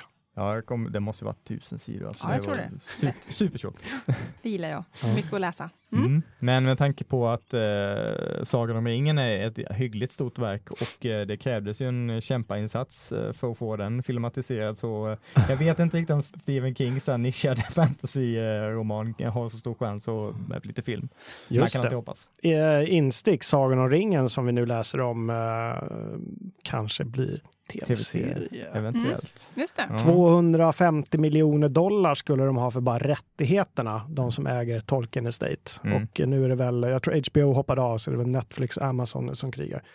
Så man undrar hur de ska ha råd med. Ja, Göra någonting också. gissa inte. Jag tror att de, det var någon, eh, om det var Amazons ägare, vad heter han, Bezos? Ja, Mm. det- Jeff Ja, Bezos. som tydligen hade sagt att jag vill ha en egen Game of Thrones. just Ge mig en egen Game of Thrones. De bara, vi gör en tv-serie. Vad ska vi göra? Ja, de har ju pengarna. Sidospår, sorry Andreas. Mm. Vill du gå vidare till din nästa placering? Det kan jag göra. Eh, och nummer tre är Djurkyrkogården. Och då eh, syftar jag på filmen för jag läste tyvärr aldrig böckerna när det begav sig. Den är en superbubblare till min lista. För Mm. jag, jag både läste boken och såg den och jag, mm, Mm. den, är, den är mycket bra. Jag Den är temat jättemycket. sjukt obehaglig. Mm. Eh, framförallt när som man ser den som en åttaåring eller vad jag var när när jag såg den första gången. Då förstår jag. Du är typ jämngammal med eh, huvudper- en av huvudpersonerna. Mm, mm, mm. Nej, det, jag tyckte den, den var liksom katten och, och liksom hela konceptet med att eh, begrava folk så att de lever upp igen och eh, de blir liksom galna eh, av att eh, liksom komma tillbaks till livet igen och ska hämnas på de som har begravt Mm, dem på eh, allehanda brutala sätt. Ja, och framförallt platser där de blir begravna. Ja, men det, det är väl ett, det är väl ett par, är han författaren också? Skulle inte vara med ett dugg om det. Men det, det är en familj som de flyttar någonstans, De flyttar dit. Och, ja. sen, eh, och det, det, familjekatten dör hemskt tragiskt, blir Mm. påkörd. Och Mm. då finns det en kyrkogård i närheten. Där. En indiankyrkogård. Ja, men det finns först en vanlig kyrkogård och sen Ja, liksom är det. Bakom den Mm. är det den här äh, läskiga kyrkogården Mm. äh, med några gamla indian, hej jag vet Just inte, magisk plats liksom. Mm. Och det är när man äh, blir begravd på den där andra kyrkogården som grejer går fel. Precis. Och det är ju då katten till en början i alla fall. Ja. Ja. Och så ser de att om den kom tillbaks och sen så råkar ju pojken ut för någonting tråkigt och så tänker de Vi vill ha Jaha. tillbaks vårt barn. De Mm. Är ja, nu, får, vi får inte gå för långt in där, för det Nej, nej. börjar nästan tangera spoiler här nu. Så, Mm. men, eh, mm, bra, men Andreas, läs boken för den är det är mycket som faller, jag gillar filmen också, men det är mycket som faller bort i den. Mm. Boken är en riktig nervkittlare alltså. Mm, jo, vissa andra King-böcker jag visar ju på att det är mycket som faller bort. Så Ja. att jag, jag Jag var borde göra lite, detta. lite en sån där som fick bo i frysen mellan. Jag skulle vilja hålla Djurkyrkogården till en av Kings absolut tajtast skrivna böcker. Jaha. Det märks att han är verkligen inne i, det- han tar inga, liksom inga genvägar utan den är extremt sådär mm, Men den är sammanhängande, den är tight, det är bra språk, det är liksom mi- milsvid skillnad till många av Och sen är den felstavad med flit. Ja, Mm. Ja. djuret Så att om ni börjar googla det här så det stavas fel. Det, för det är väl för att barnet, det, det är väl barnet som ska stava titeln där, eller Men tanken. barnen har skrivit, i den här djurkyrkogården så har de skrivit en skylt Ja. där det står på engelska Pet Cemetery Mm. och på svenska då djur, J-U-R, kyrkogården. med i. Ja, väldigt obehagligt bara det liksom. Ja, Ja. jättekul. Ja. Mm. Men Mycket bra val. Mm. Skönt att du fick med den på din lista, för jag hade lite ångest att den inte hamnade på min. Ja, ja, det- då, um, det får bli mitt nästa bokköp. Mm. Eh, för nummer två på listan, eh, Oh. som eh, Ida redan varit inne på, The Shining. Eh, och eh, där, är det Boken bo- där är det boken. Boken, boken, Där är det ja. boken faktiskt. Bra, bra. Eh, för jag, jag gillade filmen jättemycket. Jag, läste, jag såg filmen före jag läste boken. Mm. Eh, och så läste jag boken eh, och förstod vad King menade när eh, han menade att visst, filmen är bra, men den har inte mycket med min bok att göra. Mm. Och det kan jag absolut hålla med om. Det är väldigt mycket fokus på Jack Nicholsons karaktär och, och hans liksom, snabba förfall in i den här liksom, Ja. sinnessjukan och eh, hur han ska terrorisera sin familj. Och det, det är inte alls så det utvecklas i boken och det är mycket mer fokus på The Shining och Mm. pojkens relation med han här vaktmästaren, eh, jag har tappat namnet. Eh, hallå, hallå, han, någonting? Hallå, Hallå han? Ja, Ja, något sånt där. Ja. Eh, liksom deras relation och hur de, eh, Mm. hur, hur han förklarar för pojken vad The Shining är och får honom att inse vad det är för typ av förmåga han har. Just det. Och, och pojkens relation med, med pappan som har misshandlat honom tidigare och Mm. eh, liksom det är hela den här förvecklingen mellan mamman och pappan och barnet och, den historiken som har funnits. Eh, och hu- hur den här oron för att det ska komma tillbaks eh, hela tiden finns där. Det fin- ser man ju knappt alls i filmen. Mm. Eh, och sen så läs, nu, eh, om det var 2012 eller vad det var, så släppte han ju Dr. Sleep, uppföljaren till eh, The Shining, som ytterligare ännu mer fokuserar på The, The Shining och, och liksom det övernaturliga i Och det. där tog Stephen King till en poll för att fråga vilken av de här två böckerna vill ni att jag skriver nu? Och så fick folk välja. Mm, just det, Det är det stämmer. Ja. Och det, blev, jag, jag tror det, det var väl typ sista delen av Svarta tornet eller Dr. Sleep eller någonting sånt där Mm. som liksom, han fick folk att följa på. Men eh, jag har inte läst Dr. Sleep, men eh, Inte jag heller. Men den är väldigt, ja, den är väldigt intressant. Mm. Men eh, också den är annorlunda jämfört med The Shining-boken Mm. och då väldigt, väldigt annorlunda än The Shining-filmen. Eh, men definitivt läsvärd. Mm. Mm. Så den kan jag starkt rekommendera. Och för er som bara sett filmen och inte läst eh, The Shining-boken, gör det. Den håller fortfarande. Den Mm. är väldigt bra. Ja, det gör fortfarande. det faktiskt. Det skulle jag säga. jag tror, jag tror att jag vill säga att slutet är bättre i boken också. Ja. För att tala om Jocke, så här, han gör dåliga slut. Men, Mm. men där tänker jag i alla fall att boken har åtminstone ett bättre slut än filmen. Mm. Oh ja. Ja, men både, ja, både den och djurkyrkogården är ja, ganska liksom, tajta så. Mm. Mm, bra Mm. slut också. Topp ett kvar alltså. Mhm. Ja. Dun, dun, dun. Var det tvåan det? Det var Ja. två. Herregud vad snabbt det går. här. Det. Ja. Eh, den, eh, en av de starkaste upplevelserna eh, från min barndom eh, var när, eh, när jag såg, eh, jag såg det först och sen läste jag boken. Mm.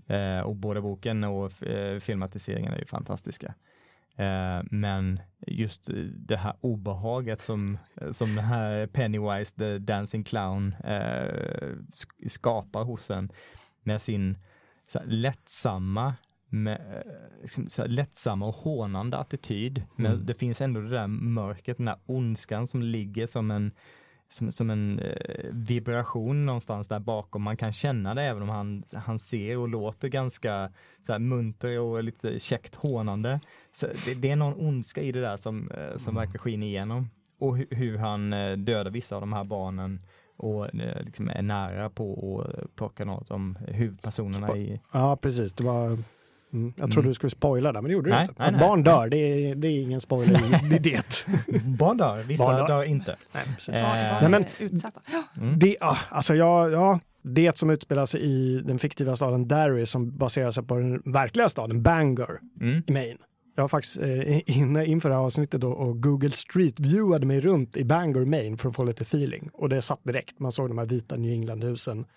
Här har jag varit. Man ser ju de här ungarna cykla längs Mm. de här trottoarerna framför sig. Är Ja, biografen fortfarande kvar?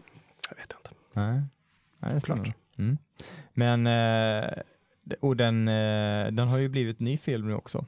Mm. Eh, som jag såg igår kväll slash natt. Mm. Eh, Bill Eh, Skarsgård. Med Eh, Bill Skarsgård. Ja, Fantastiskt. ja En den, svensk eh, en svensk eh, läskig clown. Ja, och eh, som jag tycker vi gör ett väldigt bra jobb. Mm. Eh, men eh, jag håller ändå både boken och den ursprungliga tvådelade filmen eh, högre. Just för att eh, han är så obehaglig, eh, den här clownen. Alltså, eh, Det Ja. är Tim Curry som spelar clownen i originalfilmen. mm. Mm. Pennywise. Pennywise. Ja. Också en superpoppis halloween-outfit. Mm. Det var ett citat från det som fick eh, medfölja. Inför varje eh, fullkultur så gör vi ett litet körschema så vi vet på ett ungefär vad vi ska prata om. Och då var ju citatet so- som idag har tröskats i alla medier nu visserligen. Eh, We all float down here. Mm. Mm. Mysigt. Mm. Eller ja, mysigt vet jag inte. Men, Men, men, det, men eh, det, men ungdomsskildringen där är ju helt fantastisk. Just Mm. det här gänget, det är, jag tror det är fyra killar och en tjej. Ja. Är det det? Beverly Ja, och sen har lite vi utstötta. Ben, den lille tjocke, Mm. Mike, eh, den utstötte och mörkhyade killen. Ja. Eh, jag glömde bort vad huvudkaraktären heter. Där har vi, det är ju Stranger Things all over igen Ja. kan man säga. Verkligen. De har ju liksom total, de har rippat det rakt av. Ja. därifrån. Mm. Otrolig, eh, alltså när jag läste boken så såg jag framför mig, jag men, kommer ni ihåg de här barnböckerna man läste om barn? När, när vuxna aldrig riktigt är med i handlingen utan man ser dem som ben bara, Mm. som Just går det. förbi. Mm. Just det. Så tänkte jag mig det. För de vuxna finns där men de är bara så ondskefullt liksom, Mm. de hjälper inte riktigt till Nej. direkt. Men man kan ju tänka att de bo, alltså jag hade, ja, börjar barn försvinna liksom. Då borde ju de Mm. vuxna så här reagera och engagera sig i det. här. Och de Men- vuxna ser ju inte det barnen ser heller. Nej. Eh, så när, när Beverly ser den här eh, blodkaskaden i badrummet så kommer ju pappan in och han ser ju ingenting så han tror ju Mm. de, hon bara hittar på. Och det är också spelar ju på det här med, med barn och att eh, deras fantasirikedom och de, de känner inte att de vuxna tror på dem. Det, det spelar lite in på den psykologiska delen av att vara barn och växa upp. Och de är utsatta från båda håll, både från vuxenvärlden på både det ena och det andra sättet Mm. och från den här andra världen. Då. Mm. Det. Mycket bra. Ja. Och eh, på tal om Stranger Things, eh, Finn Wolfhard från eh, Stranger Things är ju med en av barnen i den nya eh, Det-filmen. Mm. Var det din nummer ett? Det var min nummer ett. Du, det, är ingen, det är ingen dålig nummer ett. Hur ska, Nej. hur ska jag kunna bräcka din nummer ett? Tänk om jag har den som nummer ett. Ja, man vet aldrig. Jag vet aldrig. Men ska, ska jag dra min eh, topp fem då? Gör Det är dags. Det är nästan dags nu. va? Eh, på femte plats, Djurkyrkogården. Oj. Det känns som vi har eh, gått igenom den redan, Mm. men en favorit. Men det är boken jag pratar om nu och den återigen, det är ju en av de som jag tycker är absolut tajtast skrivna. Mm. Mm. Väldigt obehaglig. Jag minns, jag läste den här, jag låg i en kompis, vi var ute och seglade med en kompis, jag låg längst fram i, fören där man ligger och sover under. Och låg och läste den där på kvällen. Mm. När det skvalpade och det var tyst och det var sjukt obehagligt. Mm. Sådana här minnen som bara, jag kan till och med känna lukten från så här gasolköken som hans farsa lagade maten. Väldigt obehagligt. Det var min eh, femma. På fjärde plats så skulle jag vilja lyfta fram Christine. Mhm. Åh, ja. Boken och filmen. Filmen tycker jag är fortfarande jättebra. Mm. Det är alltså en, en, eh, en kille och hans bil. Den här bilen eh, är lite eh, överbeskyddande skulle man lugnt kunna säga. Eh, jag tror inte jag sparar någonting när jag säger att den här, den här bilen eh, lever sitt eget liv. Och det Mm. låter ju lite småcorny, men det är fruktansvärt obehagligt med en bil utan förare som står och, och varvar. Ja, det, är inte, det är inte Herbie om. Nej, precis. Uh, också en sån här grej som jag läste i ganska tidig ålder som verkligen liksom nästlar sig in i hjärnbarken på mig. Mm. Jättebra. Röd gammal sån amerikanare. Christine, som man står och polerar på på nätterna. För att Är du bilen- rädd för bilar? Nej, jag är, inte, jag är faktiskt inte, rädd. jag är inte rädd för bilar. Ja. Inte alls. Men jag håller med. Den, eh, det där med fordon som liksom har oss är, det är jätteobehagligt. Mm. Mm. Men de, de tänker vi ju på som döda objekt som vi liksom tar oss med och så här. Mm. Helt plötsligt så har de egen vilja. Ja, men just en bil också som, som är ju, den har hjul, den kan ta sig. Ja. Alltså en, en levande diskmaskin är inte lika Det var någon som barn, skojade om att vi kommer få se någon remake av den här med någon självkörande Uber. Säkert. ja, men vem vet? Eh, AI Ja, istället. Ja. Ja.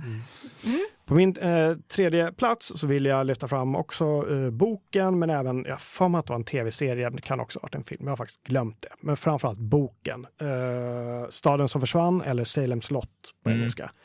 En eh, författare Åh, i en stad i Verkligen. Maine. Nej. ja, otippat. Jag tror han är författare. Jo, han är- måste vara författare. jag kommer inte ihåg. Det länge pinsamt om han inte är författare. Hur som helst, det är ju då vampyrer Mm. här. Eh, han har inte hållit på så mycket med vampyrer, Nej, Stephen King, nej. men det här var en av hans absolut bästa böcker och eh, han verkligen nailade eh, hela den här vampyrgrejen. Det är också barn som försvinner. Mm.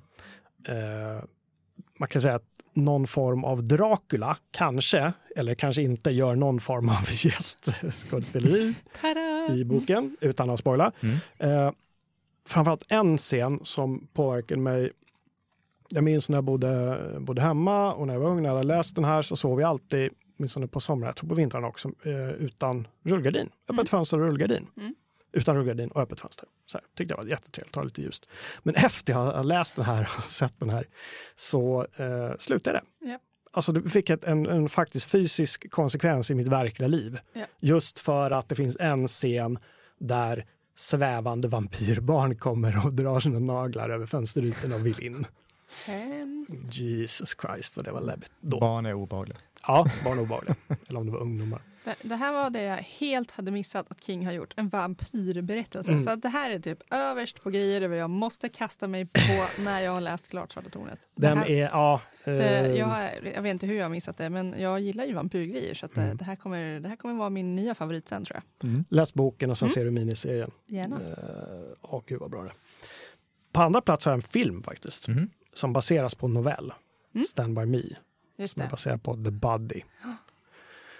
En av världens bästa filmer någonsin. Också en sån här coming of age historia. Mm. Med eh, fyra, jag tror är fyra stycken grabbar som har på omvägar att deras storebröder har hi- hittat ett eh, liket av en jämnårig pojke någonstans ute i skogen och de ger sig ut på äventyr för att hitta det här liket. Mm. Mm. Det är liksom inget övernaturligt med Nej. alls där. Det är just därför det inte var med på min lista, för jag såg det inte som en Stephen King-film på det sättet. Nej, Eh. Nej men eh, där, ja, den filmatiseringen av den novellen är ju fantastisk. Det finns vissa scener när de går på en, tågräls och där är vi inne på det här med reminissar och man, man liksom målar upp hur barndomen var Mm. Mm. och att till synes ganska små saker kunde bli väldigt stora äventyr. Mm. Och man gav sig ut i skogar och man eh, Mm. upptäckte saker och man... Jag eh, det läste igenom eh, skådespelartruppen där. Har du, har du dem någonstans i huvudet? Eh, ja, jo, uh, framförallt Ja, det är Will Wheaton är med, eh, River Phoenix är med, Corey Mm. Feldman är med och sen fjärde kille som jag inte kommer ihåg vad han heter. Mm, eh, River Phoenix som dog i någon sorts hjärtfel utanför en Eh, nattklubb i Los Angeles. Mm. Väldigt ung. mm. Corey Feldman som sen spårade ur fullständigt. Och, och Will Wheaton. Och Will Wheaton. Star Trek. Ja, absolut. Jag hade lite missat att han var med där. Men, eller jag hade glömt att han var med där, så nu när jag läste, ja, det är spännande. Precis. Will Wheaton är väl, det är väl själva berättarens alter ego. En Just liten tanig, nördig kille som, eh, som, som man liksom får följa historien Mm. genom. Och så Ri- River Phoenix som är lite de coola, coola men snälla killarna. Mm. Mm. Och så också finns det en liten tjock kille med där. Mm. Eh, och det är tråkigt nog honom att jag inte kommer ihåg vad han heter, för jag har inte sett honom i något annat efter det, Nej, som det man kommer ihåg i alla fall. Mm.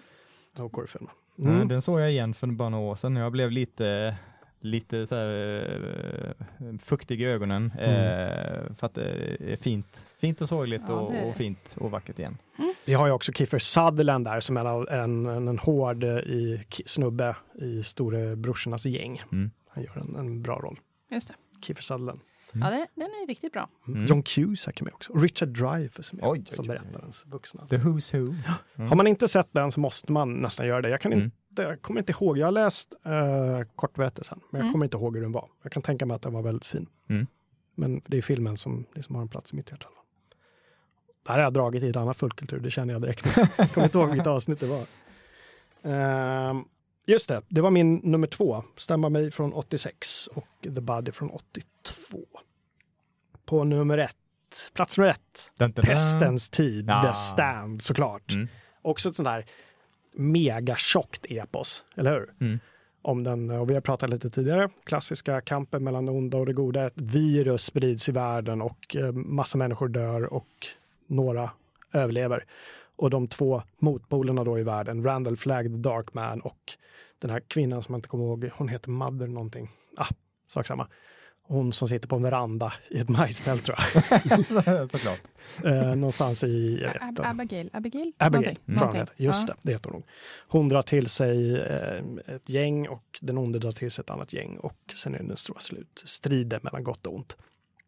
Eh, jättebra på alla sätt och vis. Mm. Också en sån där man bara fortsätter läsa och aldrig vill att den ska, ta slut, vilket kanske är bra för slutet är sådär Eh, ja. i klassisk Stephen King-anda. Men själva resan dit är fantastisk. Och den, jag tror att det här var en av böckerna som, som så att säga cementerade mitt intresse för hela den här postapokalyptiska genren. Jag tror det startade med The Stand. Mm. Den är, den är ju verkligen stilbildande Mm. på många sätt, även om det fanns självklart mycket skrivet innan. Men han gjorde det så lättillgängligt, Mm. Stephen King. Han är väldigt, väldigt bra på att illustrera den här konflikten mellan de här två grupperingarna också. Eh, Man liksom verkligen känner så här, agg mot vissa karaktärer och känner med andra karaktärer. Mm. Mm. Eh, ni får dra några bubblare om ni vill innan vi eh, slutar med att puffa för lyssnarnas. Ska, jag kan gå först den här gången och Mm. bara nämna återigen Carrie som är på något sätt startskottet i hans karriär. Ja. Jättebra, både film och bok. Ja. Uh, Gerald's Game, en bok som han har sk- skrivit på senare år som Mm. också har blivit Netflix-film nu. Den har det. Som är väldigt obehagligt, som handlar om en man och en kvinna som ska um, återuppliva sitt förhållande lite grann. Så de har uh, hyrt en stuga som ligger väldigt långt från allting. Eh, och sen så visar det sig att de ska ha lite bondage, bond, bondage sex där och hon blir fastbunden med den här sängen. Japp. Och sen händer stuff. Kan jag vi, säga. vi lämnar vid det. Eh, väl, ah, väl, alltså en sån här eh, scener både i boken och filmen som man bara, du vet, hela ryggraden bara kröker i sådär. Mm. Eh, bra. Gerald's Game. Eh, jag hade och Dark Tower hade jag på min lista och The Green Mile hade jag på min bubblalista också. Men sen måste vi ju nämna eh, The, Shank, The Shawshank. Redemption Ja. som baseras på en, en kort berättelse som heter Rita Hayworth and the Shawshank Redemption. Mm. Som är, jag vet inte hur länge den har legat, om den gör det fortfarande vet jag inte, men den låg väldigt, väldigt länge etta på IMDBs så här, mest älskade film. Jag Mm. tror den ligger i absoluta toppen fortfarande. Måste den göra. Och det är en otroligt vacker, eh, Mm. inspirerande berättelse på alla sätt. Morgan Freeman, Eh, och vad heter han? ehm, han som ser så oskyldig ut. Ja. Han ser ut som ev- ev- Everyman. Ja, jag kommer inte Ehm, ihåg namnet. ja. Men i alla Det är fall. en fängelseutbrytningsfilm helt enkelt. De Mm. ska fly från ett eh, fängelse. Mm. Och eh, ber- berätta även eh, om hur det kan vara att komma ut ur fängelselivet efter att bara ha känt till det och vilken problematik det innebär också. Precis. finns en berättelse i berättelsen där. Men eh, och fantastiskt väl skådespelat och välskrivet Ja. och, och man känner ju alla möjliga känslor med, med de här karaktärerna. Ja. Eh, En, men en sån så- där film som man kan se om hur många gånger som helst verkar det som. Jo, så här ja. En gång Ja. om året lätt bara för att den är så fruktansvärt välgjord. Mm. Rita Hayworth är med, men inte som en roll. Hon är med på ett annat sätt. Som Mm. Den som inte har sett den. så- Ja, men precis. Eh, ja, jag skulle vilja rekommendera Cujo. Just ja! Mm. Det- Den Mm. jag har för mig att han säger att han inte ens minns att han har skrivit. Ja, jag tror också det. Han var väl ner Mm. Vi- Vilket gör det extra imponerande för att det, det, jag tycker också det är en ganska tajt skriven berättelse eh, och, och filmen är också bra. Eh, jag tycker både bok och film är väldigt, eh, väldigt intressant och spännande. Mm. Rysligt spännande. Och så, något så enkelt som att en, en Sankt Bernhardshund som har blivit biten av en fladdermus och fått eh, rabies. Eh, håller en mamma och hennes eh, barn gisslan Mm. eh, i en bil under stora delar och det låter liksom inte så jättespännande. Den sitter och väntar på att attackera dem utanför bilen där. Men den är jätte, jätte obehaglig. Särskilt för en så här, jag, jag vet inte vad jag kan ha varit, 8, 9, 10, något sånt där när jag såg den första gången. Och så här, pff, jag, jag vågar inte se en hund på Nej. flera veckor efter det. Första gången jag hörde talas om, om rabies och sen dess har jag varit livrädd för rabies. Mm. Just det. Ja, Jag- jag Jag, jag också går runt och är lite rädd för det, eller Mm. var ett tag. Man trots bara, att det inte ens finns i Sverige längre. Typ, Jag liksom. har hört att det finns i Danmark och det gör mig livrädd för att åka dit. Ah, ja. Ja, den är ju fantastisk. Och sen så såg jag väldigt nyligen 1922 Ja. eh, så, på Netflix. Eh, som också är baserad på en novell tror jag. Eh, jag har inte läst novellen. Mm. Eh, Är det John Cusack igen? Eh, vad heter han? Eh, han spelar bland annat eh, The Punisher i en av de där filmerna. Eh, Mm, ja. inte Dolph The- Lundgren-filmen. Nej, The Expanse. Eh, han är med, han är den där eh, arroganta snuten i The Expanse. Fasen heter han. I alla fall. Ja. Eh, han spelar pappan eh, i en familj. 1922 är året då. Det, är det depressionen i USA eller? Ja. Mm. Eh, och de le- lever på en gård och mamman i familjen hon har aldrig liksom gillat det där bondelivet eh, och hon vill ta sig iväg till en stad i närheten och, och starta en klädbutik och, och vill ta med sig sonen då. Mm. Eh, och sonen och pappa har en god relation och eh, han vill inte ta honom därifrån. Eh, och jag vet inte riktigt, jag ska inte säga så mycket mer om det men den, den, den tar den tar en twist och den tar med det övernaturliga eh, och djurlivet på ett sätt som, eh, som jag inte väntade mig när jag började titta på den Mm. och som också blev ganska Ja, lite obehagligt sådär. Jag skulle inte säga det är liksom inte hans eh, bästa, det bästa verket som har filmatiserats på hans litteratur, men jag tyckte ändå det var, det var intressant och obehaglig och eh, väldigt kingsk Mm. i alla fall. Mm. Så den kan jag rekommendera att man tittar på, Bra. på Netflix. Ja. Mm. Det slog mig att eh, tre av de obehagligaste böckerna börjar på C. Cujo, Christine och Carrie. Jag vet inte om det har någon betydelse. Foliehatt på. Ja, han återanvänder mycket. Hade du några, några sista någon bubblare som du tycker vi har missat Eh, Ida? Nej, eller jag, jag kommer på en nu när du, när du pratade om den här 1922. För att Ja. jag kommer att tänka på, med, det är en John Cusack-grej där, där, eh, som jag har varit tvungen att googla lite snabbt här nu. Den heter 1408. Eh, och det, det är han en författare. Nej, men, eh, och Samuel L. Jackson är också med. Det handlar om, eh, han får ett vykort med ett, med ett hotell och typ vad du än gör, gå inte in på det här hotellrummet. Och, det lånar ju lite bitar från, från Shining och allt möjligt. Mm. Men, Mm. men han... Och därför måste han göra det Ja, såklart. han gör det. Han bokar det här rummet. Och hotellägaren är Samuel L. Jackson som förklarar att det har skett jättemånga dödsfall i det här rummet. Så vad du än gör, du, du går inte in här. Mm. Du kommer inte, ingen har klarat sig att hålla sig vid liv mer än en timme. Typ. Men och han går in i det här rummet och man får liksom, följa vad som händer. Och jag, jag har sett det här och eh, han gör det här väldigt bra, John Cusack. Mhm. Så att, eh, den är en bra bubblare. Jag har sett Mm. filmen, men är den baserad på en Stephen King-novell Ja, då kanske? Eller? ja, det måste väl vara det. Ingen av hans romaner? Kanske, nej, det kanske Nej, inte är. tror Vi ska inte se. Eh, Det står bara att den heter 1408. Da, da, da, da. Jo, en novell, precis. Mm. Ja, så är det. Ja, men vad bra. Eh, Jag kan, kan rekommendera en annan också, eh, en novell, eh, eller en, en tv-serie som är baserad på novell. Mm. Novellen heter The Colorado Kid. Eh, De gjorde en tv-serie som heter Haven, eh, baserat på den. Den är inte liksom läskig skulle jag inte säga, eh, kanske lite beroende på hur känslig man är, men eh, fram, jag tycker det är intressanta karaktärer och, och bra historieberättare och bra atmosfär i, i den serien. Eh, absolut ingen topp någonsin, men eh, väl värd att titta på. Mm. Eh, Haven. Jag kommer inte ihåg, jag tror de har plockat bort det från Netflix. Kanske finns på Viaplay. Man får kolla in det. Men Mm. den är värd att se. En, en bok som jag inte har läst än, men en av hans senare böcker som heter Lysis Game. Ska tydligen vara superbra. Han fick inspiration eh, till den hans fru höll på att röja i hans eh, skrivarlya tydligen. Hans fru Tabitha. Och, och boken handlar om en författare. Vad som händer eh, när eh, den författaren går bort på något sätt. Aha. Och den har fått eh, jätte, jättebra kritik. Så det, Mhm. den ska jag kasta mig på. Ja. Sådär. Låter bra. Mm. Så att han levererar fortfarande Stephen King. Tydligen. Det är mycket Kings att ta tag i nu. Han har ju, det. det är Mr Mercedes en serie också va, som kommer. Det Mm. Inte så? Just det. Och han har varit runt på någon turné med sin son. De har gjort någonting tillsammans också. Mm. Han har det- två söner tror jag som Ja, båda Mm. skriver. ja, eller hur? Jag har inte läst något av Det är som författare överallt. Eh, ja, mm, men... Och hon eh, skriver också, Tabitha. aha, Jaha. det har jag missat. Ja. Och är man eh, nyfiken på att se hur det är i hans liv kan man ju följa honom på Twitter. Han är väldigt aktiv. Just ja, exakt. Jag följer Stephen King. Bra där. Han är roligast när han inte pratar politik i och för sig. Det är lite förutsägbart.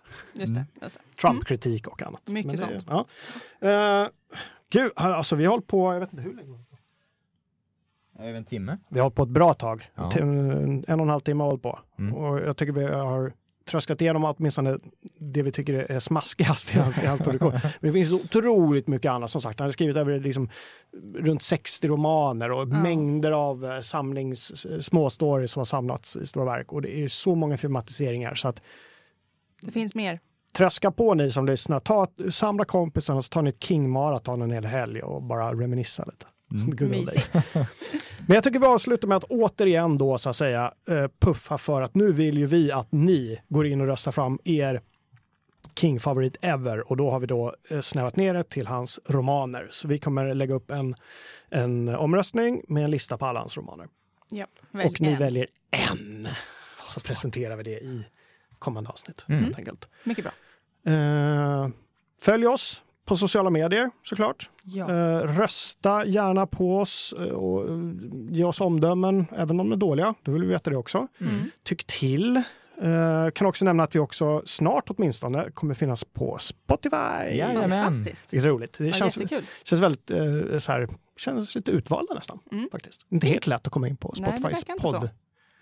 Sida. Poddsida. Eller, ja. De verkar ha koll på saker på Spotify, Ja. i och med att de upptäcker oss. Precis. Mm. Ja, vi, vi håller på att trixa lite med det här och ska försöka få igång det i alla fall. Mm.